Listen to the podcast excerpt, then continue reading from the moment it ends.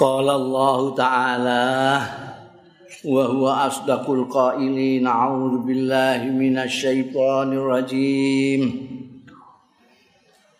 wa idzibtala ibrahim rabbuhu bi kalimatin fa'atammahun qala inni ja'iluka lin-nasi imama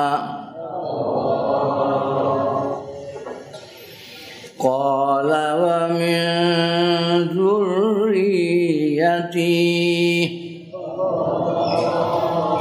qala la yanalu 'ahdil zalimin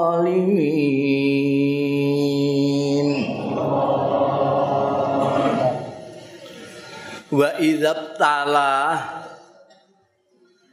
lan nalikane nguji nyoba Ibrahim ing Nabi Ibrahim sapa rabbuhu pangerane Ibrahim? Bikalimatin kelawan pira-pira dawuh fa'atam mahun mongko nyampurnakake ya Nabi Ibrahim ing kalimat. Kala dawuh sapa Allah ini sak temene panjenengan ingsun iku jailuka ndadekake ing sira linasi tumraping manusa kabeh tak dadekake imaman dadi kepala pemimpin panutan Kala matur Nabi Ibrahim, "Wa min dzurriyyati lan saking tedak turun kula. Anak turun kula, Gusti." Kala dawuh sapa Allah taala, "La yanalu ahdi zalimin." Ora mekoleh ahdi ing janji ingsun azzalimina wong-wong sing padha ngani ngoyo kabeh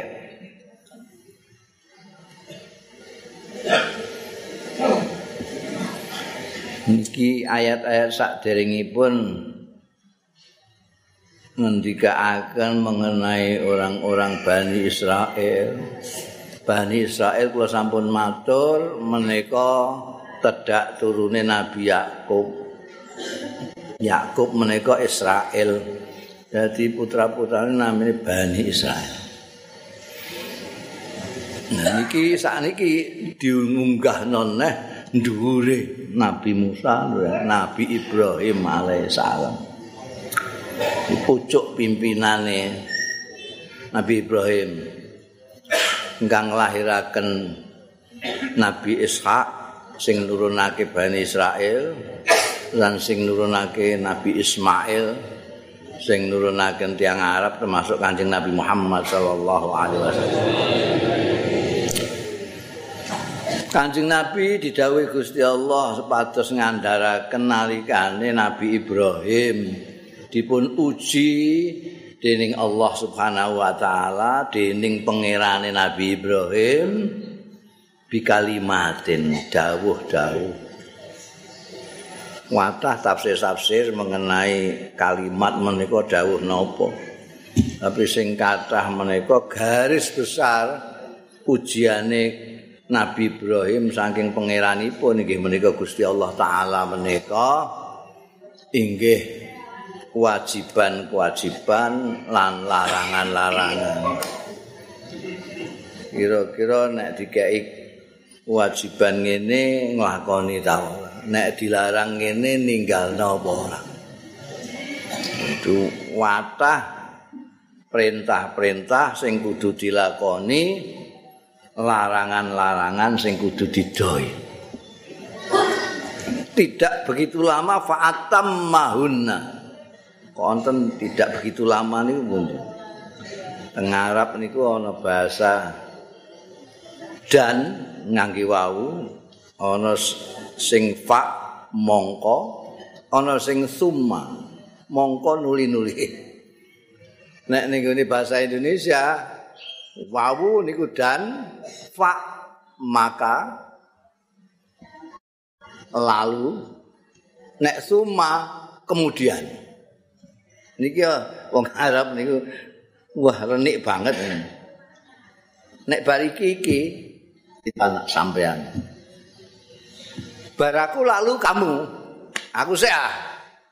Ana panta engko aku baraku sih terus kowe langsung. Nek ana summa anta. Iku keletetan wong liya neh lagi kowe ngoten niku wonten jarak-jarake lah nek niki teng ngendikake wa idza tala ibrahim rabbuhu bi kalimatin fa atammahun ora summa atammahuna tapi fa atammahun langsung disempurnakan dening Nabi Ibrahim. Berarti Nabi Ibrahim perintah ini ini ini dilaksanakan.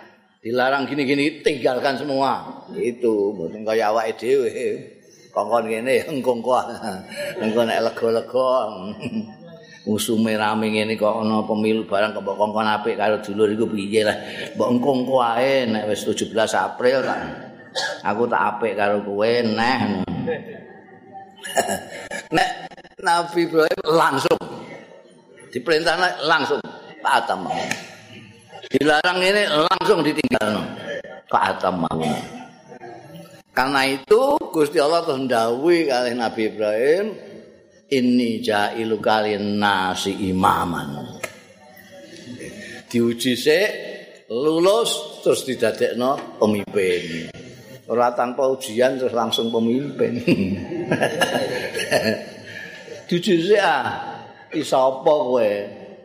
Dadekno imam iku maca Fatihah bener ta ora kok terus langsung mbok dadekno imam kok mbok dadekno kepala rumah tangga itu ndekne duwe bojo. Iku wonten sedaya diuji dulu. Kowe iso ngene ya wis nek ngono kowe tak dadekno imam. Mae Nabi Ibrahim didadosake imam manusa kabeh.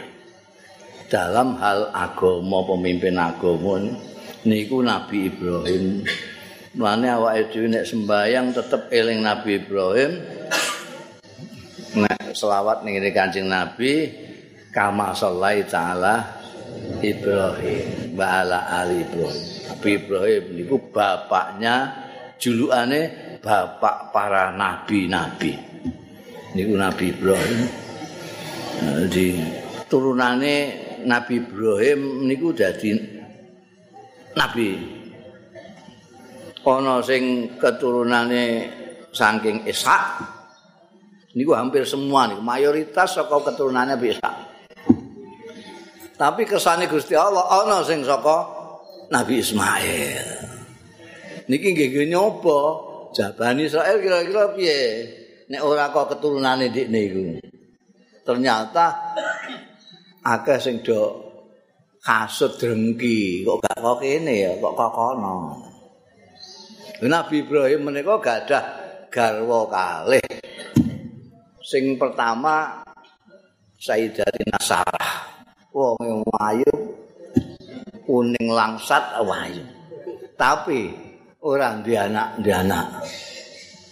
Mboten ada nah, Nabi Ibrahim niku nek karo bocah-bocah cilik kita kok senenge ngono. Dewi Sarah niku Aki aku gak iso ngeki anak Pak e kita e kok seneng bocah kok kaya ngono ya Allah aku gak iso ngeki. Akhirnya terus digolekno bojo ben di anak. Ngoten e, golekno bojo kali ini. Tapi wong wong wong wedok nggih. Golekno bojo maru niku ya aja sing luwih ayu ah. Sing padha ya ora. Sampai nek wayah ya sing rada elek ngoten. Dadi mbok tuwa ora kok ngamuk. Sampe wong alasane niru Kanjeng Nabi sing dipilih sing luwih enem luwih ayu. sing adol sapa diapurmu. Jawane Kanjeng Nabi ku rondo-rondo sing perawan mak Siti Aisyah tok. terus kawan kawin jare niru Kanjeng Nabi. Ini mbok bodoni manusa ya iso, malaikat kok bodoni. Foto ngamu. Niru Kanjeng Nabi. Niki mawon Siti Sarah niku nggih batu sing kon ngawini. Hajar niku tiang Afrika ireng. Boten putih kaya Dewi Sarah. Mulane putra-putrane ya soklat. Blesteran kok putih ambek anireng. Dadi soklat. Tiang-tiang Arab niku soklat. Nah, nah Siti Sarah kali ini Nabi Ibrahim padha putih. Dadi anake putih-putih niku wong Israel niku putih-putih. Wong Arab semu soklat. Yo ana sing putih sithik-sithik. Tapi sing kathah niku coklat. Arab nek ngarani asmar. asmar nek wong Afrika aswat ireng nek nek wong Cina asfar nek wong Indian ahmar nek wong Jawa sawo bosok awake dhewe apa sawo diuji lulus kowe tak dadekno pemimpine manusa kabeh. Jadi awake dhewe nek niru Nabi Ibrahim wis mesti bener. Mergo kiambake niku pimpinan. Pimpinan itu yang diikuti, dicontoh. Ya pimpinan kok ora kena dicontoh. ya mbelesek niku namine. Pimpinan kudu iso dienggo contoh. Ruko ya ruko. Lah nek imame itu ruku emak makmume bui ngono ngetutno niku. La ilaha illallah. Iki lagi ngene kok dene wis sujud lah Allah. Kene durung ngantek ruku kok sujud. Tapi nek imam kok kesuwen sujude kesuwen makmume udah keturun kabeh. Niku ya gak kenal Jadi pemimpin ini kayak kanjeng Nabi Muhammad Sallallahu Alaihi Wasallam. mimpin salat barang iku ora ana sing ngrasani bar salat orang sing ngrasani. Bar khutbah Jumat ya ora ana sing ngrasani. Kayak sakniki sampean gene ngrasani. Wah, imam ndele wae ra karuan. Aku ngantek ngiler-ngiler kok gak bar ya sing dibakas iku macem-macem ana globalisasi ana sing mbuh ngono. Wong khutbah seminggu pisan kok dawane semua. Nek setahun pisan ngono ya gak apa-apa ya. Belenger aku. Akeh sing maksud niku Kanjeng Nabi belas. Selawase urip ngimami, selawase khotbah ora ana sing ngrasani, ora ana sing protes. Sing tuwa ya ora protes kok kecepetan, sing enom ya ora protes kok kesuwen. Iku Kanjeng Nabi Muhammad sallallahu alaihi wasallam. Lah nek sampeyan dadi imam sepundi Gini lu kanjeng Nabi, al khairu kullu fitibai rasul. Rasa niru sapa-sapa, kanjeng Nabi. Sing paling apik dhewe dalam segala hal niru kanjeng Nabi. Wah, niku gak meten ketok khusuke. Ha, sing sing mbok kon nilai iku wong apa Gusti Allah. Kanjeng Nabi niku mboten nonton. Sembayang kesuwen mboten nonton. Nek sembayang dhewe ngantek apa? Sampai nek mboten. sembahyang dhewe cepet ngimami suwe ini karuan. Walian la ilaha illallah. Sembahyang dhewean inna ta inna kulhu. Ngimami tasbih suara ataka. La ilaha illallah sing mbok pameri lho sapa. Wah, kadang-kadang Quran. Wah, bentarane apa Quran ya. Innalladzina qalu rabbuna Allah summa istaqamu. La ilaha illallah. Terus orang nganggo bismillah barang ben koyok ning gone Mekah. La ilaha illallah niru-niru kok mbok pamerno. Bayang niku kanggo Gusti Allah taala. Sing al khairu kullu fi tibai rasul. Jenengan sing imami sedengan mawon sing sekira sing tuwa ora protes, sing enom ora protes. Niku sepundi kebijaksanaan jenengan. Nek sampean mboten saged nggih sadurunge sembayang madhep ning gone jamaah, piye ndak enake ndak? Cepet apa dawa? Eh, ina atau karo kulo apa sabiki sebahan. Niki namine imam demokratis. Oh. Gimana? Eh, ngoten. Kali-kali kene ana sing muni cepet, ana sing muni ana sing muni lon-lon. Ya voting. Wong demokratis. Voting eh, sing sing sing jauh cepet pira? Wah, 8. Sing jauh lon pira? 10. Ya 10 tengah-tengah lah. Ngoten. Kanjeng Nabi iki mboten, Kanjeng Nabi nek dhewean ngantek apa? Kula mbayangno salat kok ngantek sukune abah niku sepundi? Sampai nate abah ngoten. nek pas bubulen niku. ya Allah. Berarti niku jumenengi mawon niku pinten? Ya Allah, nek dhewean nek ngimami mboten nganti nae mboten wong wonten bocah nangis ngoten kanjeng Nabi dicepetno kok sembayang niku krungu. Bocah kok nangis. Wah kok engko ndang sing ngomong melok jemaah iku mbok cepetno ame mung sabi iki terus ganti bal asri insan muslimin Allahu akbar. Cepet. Oh. Anjing Nabi niku ngerti menungsa. Menungsa iku ana sing tuwa, ana sing enom, ana sing di penggawean, ana sing ditunggu penggawean.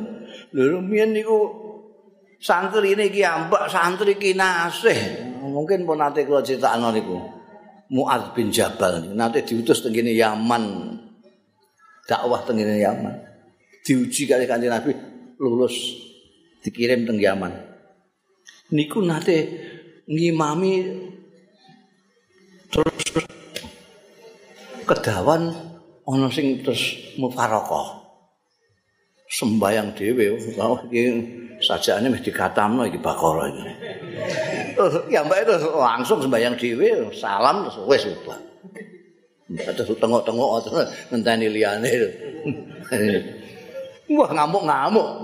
Mu'ad bin Jabal munafik ngono Lah gak terima di munafik matur karo Kanjeng Rasul sallallahu alaihi wasallam. Piye piye piye dunungane piye? Kanjeng Nabi niku pemimpin tenan aja. Ana cross check, ana check and recheck. Sing iki ya di sing lapor ya ditakoki sing dilaporno ya di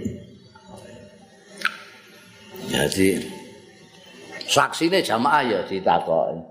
piye-piye iki wae ora ngimami sa sahabat Muad bin Jabal niku ngimami sembayang Isya niku ya mbake mau rakaat pertama ngatamno Baqarah rakaat kedua ngatamno Nisa nek sampean mau faraqah kabeh yakin lah niku mau siji tok sing mau faraqah Kanjeng Nabi yang ndangu maat bener maat kowe mau ngatamno nggih Kanjeng. Sing didugani muat.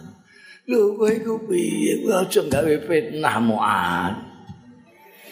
Kowe nek sembayang dhewe arep ngapalno Quran mbok katamno kabeh. Gak apa-apa. Silahkan silahkan. Tapi nek kowe ditutno wong akeh, ya kowe kudu merhatekno wong akeh iku sing makmum ning gorimu iku ana sing tuwa ana sing enom ana sing ditunggu penggawean ana macem-macem ya sak karepmu dhewe nek kowe karep karepmu dhewe mbayang dhewe kan kowe ditutno wong ya kudu ngemong sing niku filsafah pemimpin niku tegene salat menika. Sampean iso dadi pemimpin apa ora niku dadi imam iso apa nek dadi imam kok diprotes wong. Wis salamat dadi pemimpin di demo terus sampean dadi kudu ngomong Kanjeng Nabi niku kowe kudu ngomong aja gawe fitnah. Lho kene iki kowe dadi fitnah. terus ana sing mufaraqah terus kowe mbok tuduh mutafik barang iku. Ora kok ndekne munafik, ndekne keselen ora kaya kowe makamu dhewe-dhewe kok. Wong niki makame dhewe-dhewe. Ana sing seneng dawa-dawa, ana sing lagian seneng sing cekak-cekak. Aja mbok padakno awakmu ah. Pemimpin kok ukurane kok awake dhewe ya sebal duit endok ngoten mawon. Pemimpin iku sing kanggo ukuran sing dipimpin. Sing dipimpin jaluk apa, kepengin apa, budaya apa. Niki pemimpin. Pemimpin sakarepku gelem ngene ra gelem ngene. Oh, iku dudu pemimpin iku. Terus sembahyang duawane ra karuan, sujude suwine ra karuan. Makmu itu turu kabeh. Salam dhewean. Nabi Ibrahim diangkat kali Gusti Allah setelah menyelesaikan dengan sempurna semua ujian dengan cepat. Sempurna, atam mahuna. Nah, engkau aku jadikan pimpinan umat manusia. Nabi Ibrahim diberi jabatan pemimpin dunia usul. Lagi keturunan kula nggih anu ya. Usul anak-anak putune iku ya diparingi dadi pimpinan. Nanti dulu dawuh Gusti Allah la ya nalu ahdi zalimin. Jadi pimpinan tergantung Gusti Allah. Ora kok tergantung keturunan. Yo, cuma medek-medekna keturunan. Wah turunane kiai. Oh, mesti jadi kiai. Lho mesti ya. Turunane nabi ya akeh sing ora dadi nabi, malah dadi gak karu-karuan ya akeh. Iku Nabi Musa niku sing diutus Gusti Allah Nabi Musa. Mergo mboten pati fasih ngendikan padahal kongkon dakwah. Dadi terus ngusulno Nabi Harun dulure. Gusti kula mbok niku derek kula Harun niku jenengan utus sisan ben ketane nyarengi kula. Oh, mboten pati paseh nek pidato ben kiambake. Jadi Nabi Harun itu nabi atas usulan. atas usulannya Nabi Musa. Tapi sampai saat ini sejarah. Niku keturunan nabi-nabi Bani Israel niku saking Nabi Harun, mboten sing Nabi Musa. Sing saka Nabi Musa, Nabi Harun. Jadi keturunan ora kena dinggo patokan. Mboten kena dinggo patokan. Oh, aku wong tuane. Wong tuane mbok gedhe-gedhe. Dengar. innal fata mayakulu analah laisal fata mayakulu kana abi pemuda kok sing dipamerno wong tuane bapakku selamat lho bapakku bupati lho bapakku kiai wah itu apa ya pemuda belesek pemuda yang tenanan ini aku Hmm, oh. Coba kait-kait nambah bapak. Hmm. Kulo biyen ngantek jeneng kula kok wawahi ben gak di tempel-tempel terus kare bapak kula. Bapak kula populer terkenal sa Indonesia. Sides, oh niki anu putrane Ki Bisri bolak-balik ngono iku risi kula. Iku aku kok di templekno terus sampean nang gak iso dhewe apa piye. Otok melete kula. Jeneng kula terus kula kula wawahi nimane ana jeneng macem-macem niku jeneng komersial namine. Nah niku ben gak di templek-templek ana. Jadi niki putrane ane bisa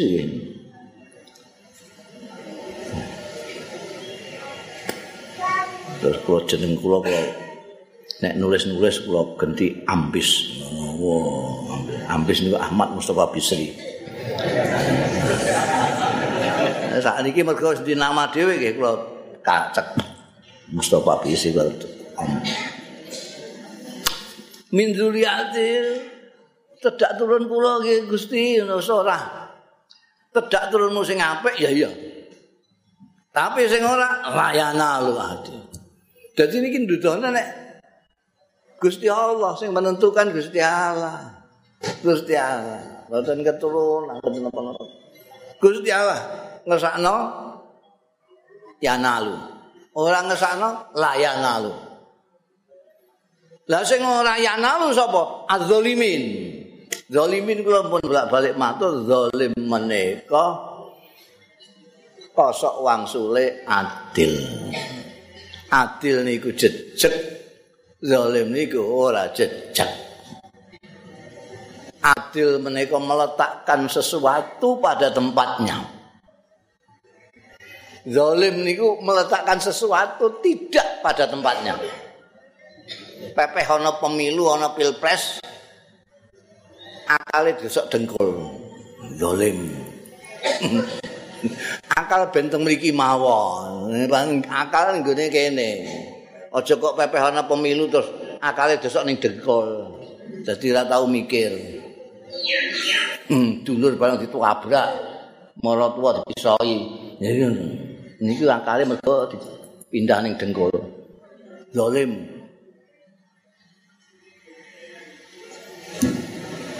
Nek adil niku meletakkan sesuatu pada tempatnya. Kupluk desok mriki namine adil. Kupluk dienggo sepatu nang jenenge zalim. Kacak sithik karo keindahan. Definisine adil karo indah. Jadi setiap yang adil itu indah. Nek adil meletakkan sesuatu pada tempatnya, niku adil.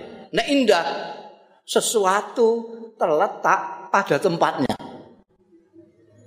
Kalau sesuatu itu terletak pada tempatnya, indah sekali. Kenapa buah dada indah? Karena letaknya di dada. Coba kalau letaknya di dengkul. Tidak ada yang mengatakan indah itu. Tidak. Kenapa kanjeng Nabi indah sekali wajahnya? Karena letaknya semua anggota kanjeng Nabi di muka ini persis di tempatnya. Hidung di tempatnya, melipat di tempatnya, kuping di telinga, tempat semua kanjeng Nabi.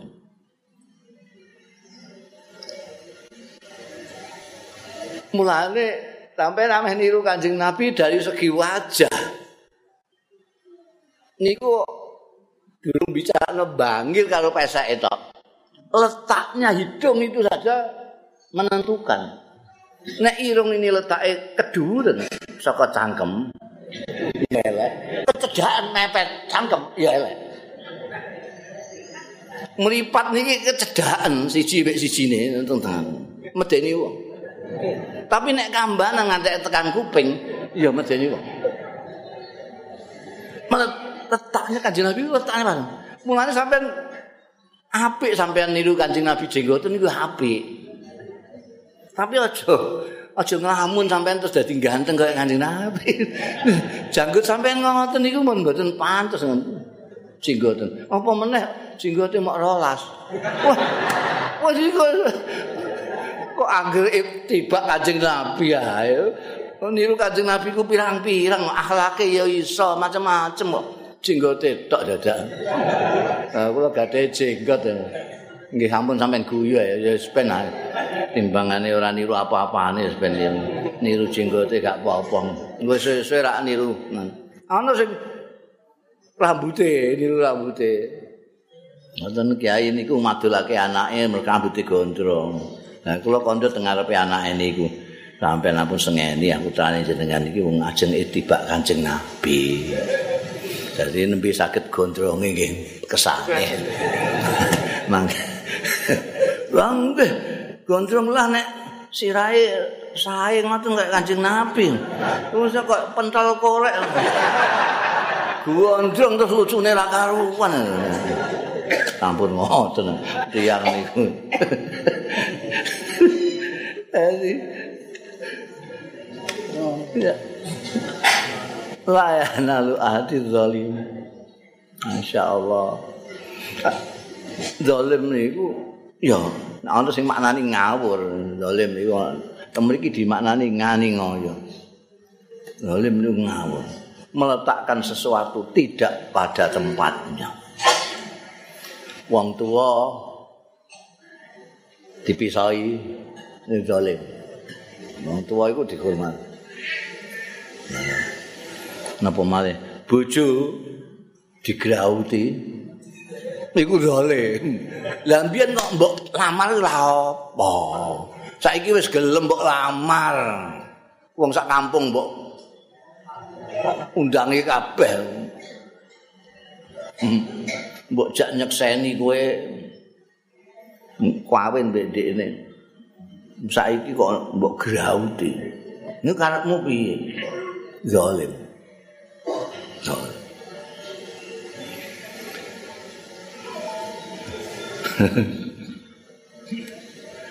Pemilu limang tahunan kok sampai nanggep selawase urip niku zalim. Tidak pada tempatnya. Limang tahun ya limang tahun, mikirnya ya limang tahun, ngadepi ya limang tahun, energi sing ditokno ya kanggo limang tahun. Wah, eh. Engko limang tahun, neh, iseh ono. Pilihan umum meneh, pilpres meneh, calone Sura Jokowi karo Prabowo neh. Mungkin noyo karo Suto. Napa malah anak sampean mangke kan. Dadi aja dintek-entekno saiki. Pemimpin kok zalim bar bar duit ndok ngoten mawon. Nah niku ne mulane gak iso lah ora ora. Turun tedak turun mulah kowe pemimpine manusa tedak turune pemimpine manusa lah. Tapi nek zalim gak. Oh, tegas niki. Quran tegas. Nek ora zalim ya nanti dulu. Nanti bisa. Tapi tembung ini layana lu ahdi. Yang mendatangi orang itu adalah ahdi. Dari Gusti Allah Nah, niki kan rumangsane sing marakno dadi niku jurkam. Gusti Allah. Ya nalu ahdi azalim. Cedak turun mula nek zalim gak. Dan niku kata saking Bani Israel niku sing zalim zalim ya ora iso dadi pemimpin. Tapi sing api-api ya dadi pemimpin. Ya. Kok jadi pemimpin kok zalim? Wis lara kabeh.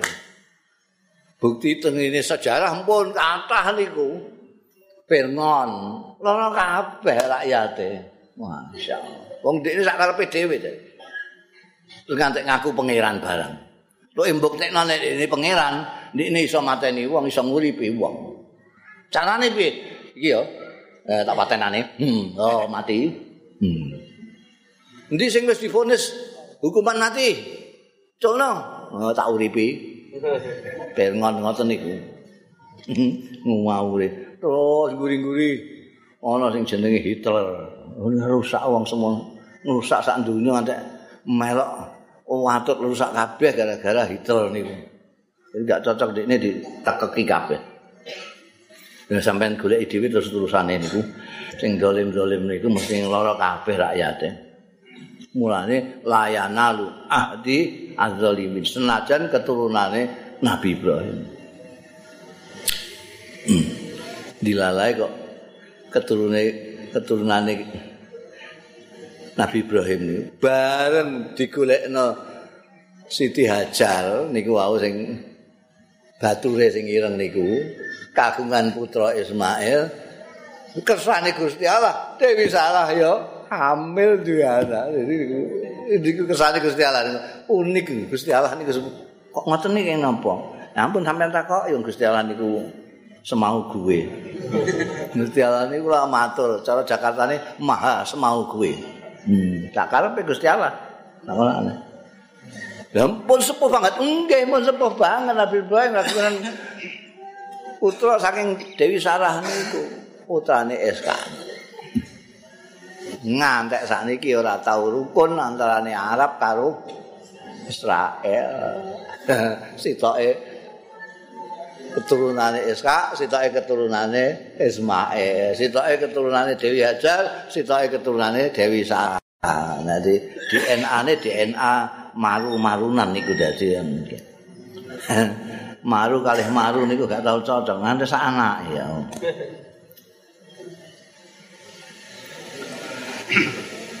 وإذ جعلنا البيت مثابة للناس وأمنا واتخذوا من مقام إبراهيم مصلى وعهدنا إلى إبراهيم وإسماعيل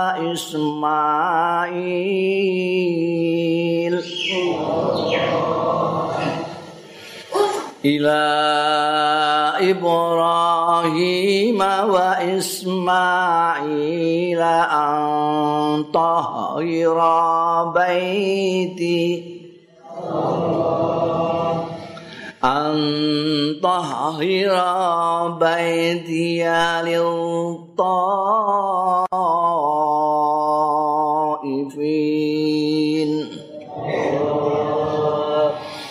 أن طهر بيتي للطائفين والعاكفين والركع السجود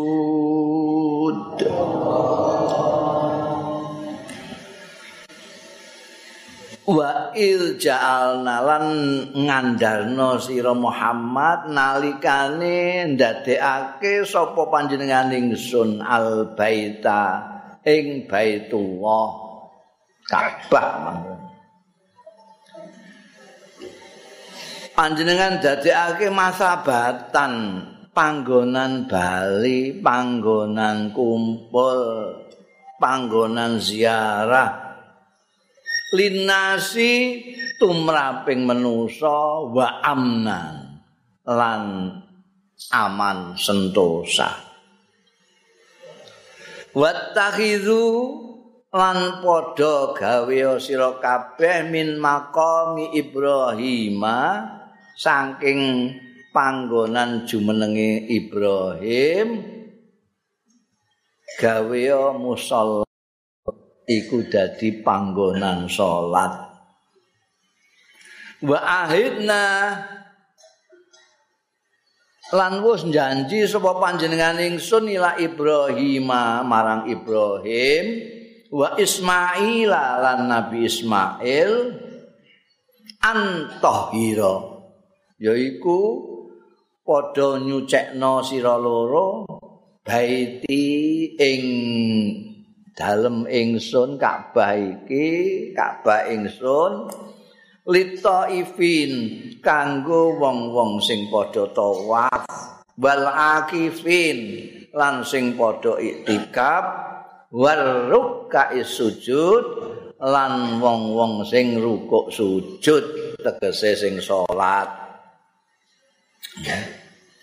Anjing Nabi Muhammad sallallahu alaihi wasallam pun dawuh pados ngemutaken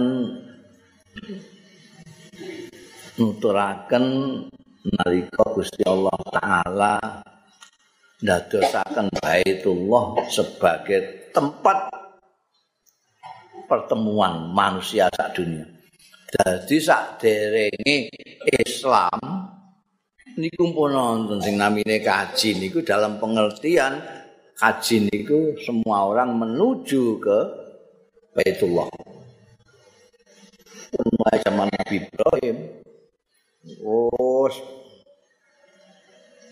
Nek biyen nggih sih HP kayak sak niki zaman Nabi Ibrahim nika nggo tawaf, nggo salat, nggo ikab Kayak guring-guring guring-guring guring-guring lawas-lawas. Terus pergeseran-pergeseran. Akhirnya wong-wong niku teng mriku mboten tawah mboten mboten dinggo salat mboten dinggo itikaf tapi dinggo wadah brahala. Ana sing isih tetep tawaf tapi karo udo. Karo keplok-keplok macam-macam. Kanjeng Nabi rawuh didhawuhi Gusti Allah kan nata malih kaya zaman Nabi Ibrahim tawaf sing kaya sakniki niku pitung ubengan ini. Mergo wong seluruh dunia kan datang ke Dan tidak semakin sedikit tapi semakin banyak. Ngantek sakniki diatur seluruh dunia Islam diatur kowe semene wae, kowe semene ae, kowe semene ae. Ngantek wong Indonesia ameh kaji antri bertahun-tahun. Mergo nek dilos ora cukup nih. Kota Mekah mboten cukup. Wong Monas man mboten cukup kok. Wah, setiap tahun bertambah, bertambah, bertambah. Masa batan lintas panggonan kumpulan manusia. Masya Allah. Wae kasih wong sing ireng ana, sing kuning ana, sing biru ana. Wong ngantek ireng ngantek biru. Ana sing abang ana, sing putih ana, sing sawo basa Ya Allah. Masa batan linnas. Wa amnan. Nggih, dadi Baitullah menika panggonan nglumpuke manusa. Sakniki ditingkat pirang-pirang. Niku pun dibatasi setiap negara mau semene semene semene. Indonesia mau dikai jatah kota 200 ewunan mon mboten. Jolak jaluk ditambahi, mboten sampe ditambahi. Padahal peminatnya kaya ngeten katahe. oh, ditingkat. Asale masjid itu ya mak siji tok. Tua niki di gawe pirang-pirang.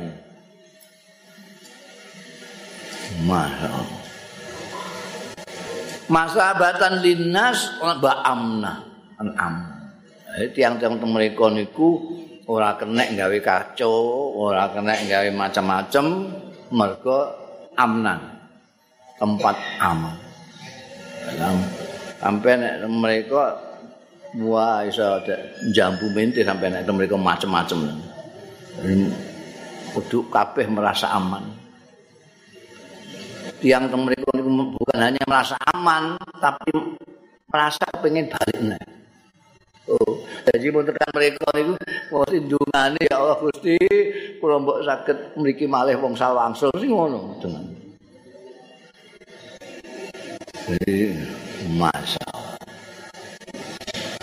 Allah. Wattahidu min maqami Ibrahim musalla. Tenggini Ka'bah niku wonten tempat berdirine dinten Nabi Ibrahim nalika mbangun niki. Nalika mbangun kaya Nabi Israil empe jumenenge tenggene ngajengi Baitullah niku. Dan Baitullah niku pun nonton sak Nabi Ibrahim, Nabi saya pun nonton. Pun nonton. Ono sing ngendikakno mus mulai Nabi Adam. Tapi sing jelas pun nonton.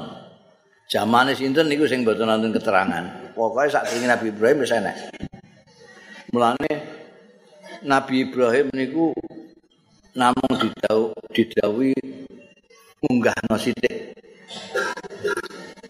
dawe dengan ayat wa idh yarfa wa idh yarfa ngunggahno kawaida jadi pondasi-pondasi diunggahno Nabi Ibrahim. Berarti sak durunge wis enek nabi kurang dhuwur. Lah panggonan tempat berdiri Nabi Ibrahim menika didhawuhi pendadekake musala Sak niki terus diadai kaya botol ngoten eka kaya. Dadi sing gambare kaya kaca mrikine wonten tipak tapak sikil niku niku mbah tapake Nabi Ibrahim tenan duka mboten pokoke niku didono nek mriku niku lah makom Dadi yang sing ngajeng salat niku bal tawab pitung tawapan, pitung hubungan. Niku mangke terus do sembayang tengene makam Ibrahim. Mergo didhawuhi wattakhidhu mim maqami Ibrahim musalla.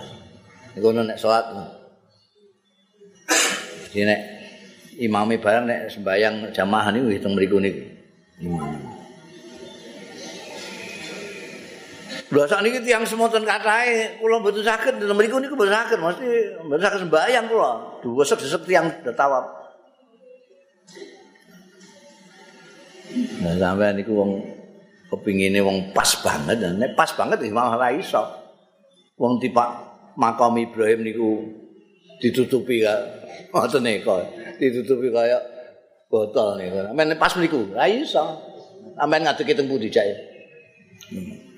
Jadi ngene sandi mriku mawon mboten saged.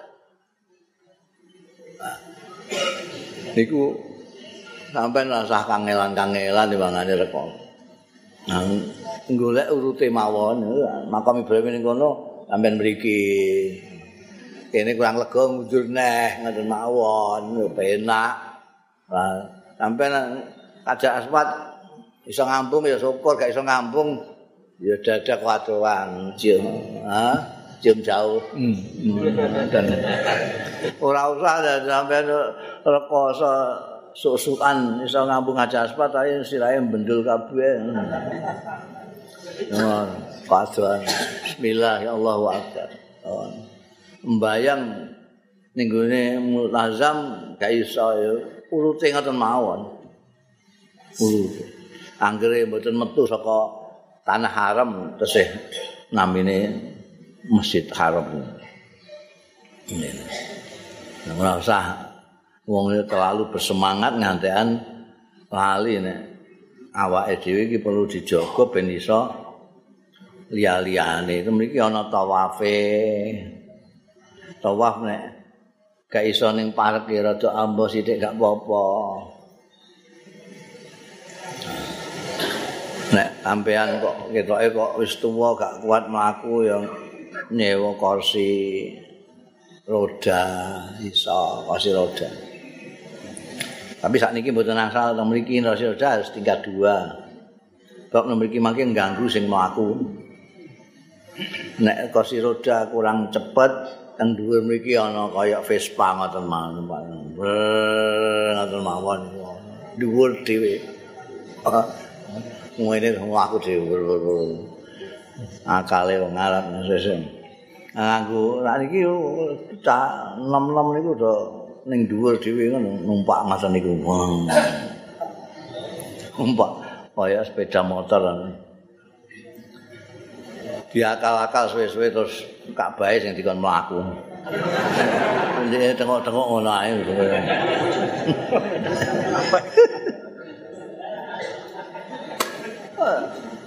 Nabi Ibrahim lan Nabi Ismail didhawuhi lah pancen niku dinggo musala didadekno ibadah. Dadi kon ngresiki, sing diresiki kok kanggo sing do tawaf tawaf iku wesi. Niki niku bareng Saudi niku sugih. Wah, cleaning service niku pun angger-angger niku. Ana wong napa gawe kotoran temriku ana sing kepesing apa langsung Wur, bersih akal. Wingi wonten kedadian jangkrik pirang-pirang niku. Nggih ampun langsung semproti kabeh bersih. Niku biyen Nabi Ibrahim kaya Nabi Ismail sing didhawuhi. Iku dibersihkan semua. Baitullah kuwi, Ka'bah kuwi diresiki. Ben dinggo tawaf wong-wong. Dinggo iktikaf wong-wong, dinggo salat wong-wong. Luwesik. Ane kini luwesik banget. Niku mergo dinggo tawaf, dinggo iktikaf, dinggo rukuk sujud. Sampeyan nek kebenaran dikesakna Gusti Allah teng muga-muga kabeh mawon. Pun kula doake bolak-balik amane kok wadungake iso teng mriku niku sampe nek teng mriku nek tengene masjid mriki dianjurno mlebu masjid sembayang tahiyatul masjid. Nek teng mriku sampeyan mlebu Masjidil Haram sing dianjurno tawaf pitung tawafan lagi sembayang tengene makam Ibrahim. Sembayang sing kathah. Ora usah nggawa HP ndak kepengin moto-moto kepengin selfie bareng. Selfie engko ae nek ning Indonesia nek mereka dipelokno golek ganjaran.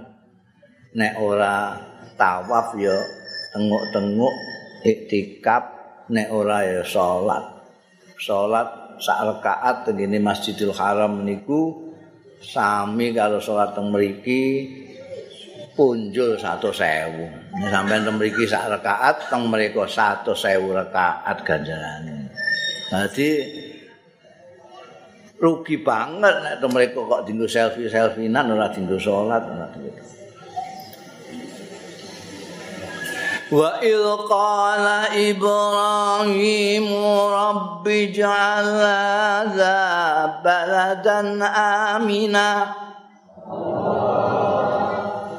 رب اجعل هذا بلدا آمنا وارزق أهله من الثمرات وارزق أهله من الثمرات من آمن منهم بالله واليوم الآخر قال ومن كفر فأمتعه قليلا wa ummati uhu qalilan summa aqallu ila azabin nar. Wa bi'sal masir. Wa id qala lan elingna Muhammad andarno nalikane ngendika matur sapa Ibrahim Nabi Ibrahim. Matur ning Gusti Allah.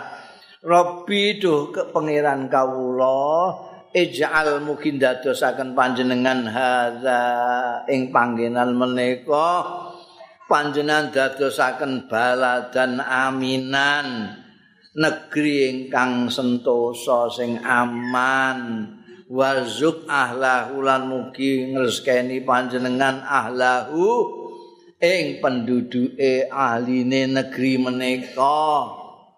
Minas samarati tangking pira-pira wowoan panjenengan maringi rezeki ahline ingkang man amanah tiang sing sami iman minhum saking ahluhu billahi kelawan Gusti Allah wal yaumil akhiran dina akhir. Kala dawuh Gusti Allah wa man kafara. Ya wong sing kufur tai wong kang kufur fa umati mongko iku paling kepenak sapa ingsun hu ing mangkafaro kalilan sithik. Summa attaru mongko ngelep jeblosno sapa ingsun. Maksa sapa ingsun. Jeblosno ingsun ing man ila azabin nar. Naudzubillah maring siksa neraka. Ngabi sal masir lan ala banget apa panggonan Anjing Nabi Muhammad sallallahu alaihi wasallam kadawuhan ngemutaken nalika Nabi Ibrahim matur dhateng Gusti Allah taala. Gusti mbok negeri menika Mekah sekitarnya. Anjan dadosake negeri ingkang aman penduduke panjenengan paringi rezeki wowoan sing kathah sing padha iman lan percaya kali jenengan lan dina akhir panjenengan paling rezeki sing Gusti Allah dawuh ora kok sing percaya tok ora sing iman tok sing kufur ya tak paringi tapi mok sithik Niku artine ning donya tok. Umat tiuhu kolilan.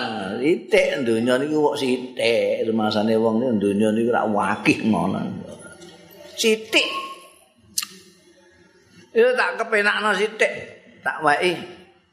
Engko nek pancen tetep kufur ngantek sak matine naudzubillah min dzalik ya jeblosno ning gone siksa neraka. Iki panggonan sing paling elek ya. Iku Bohem sakniki niku masyaallah.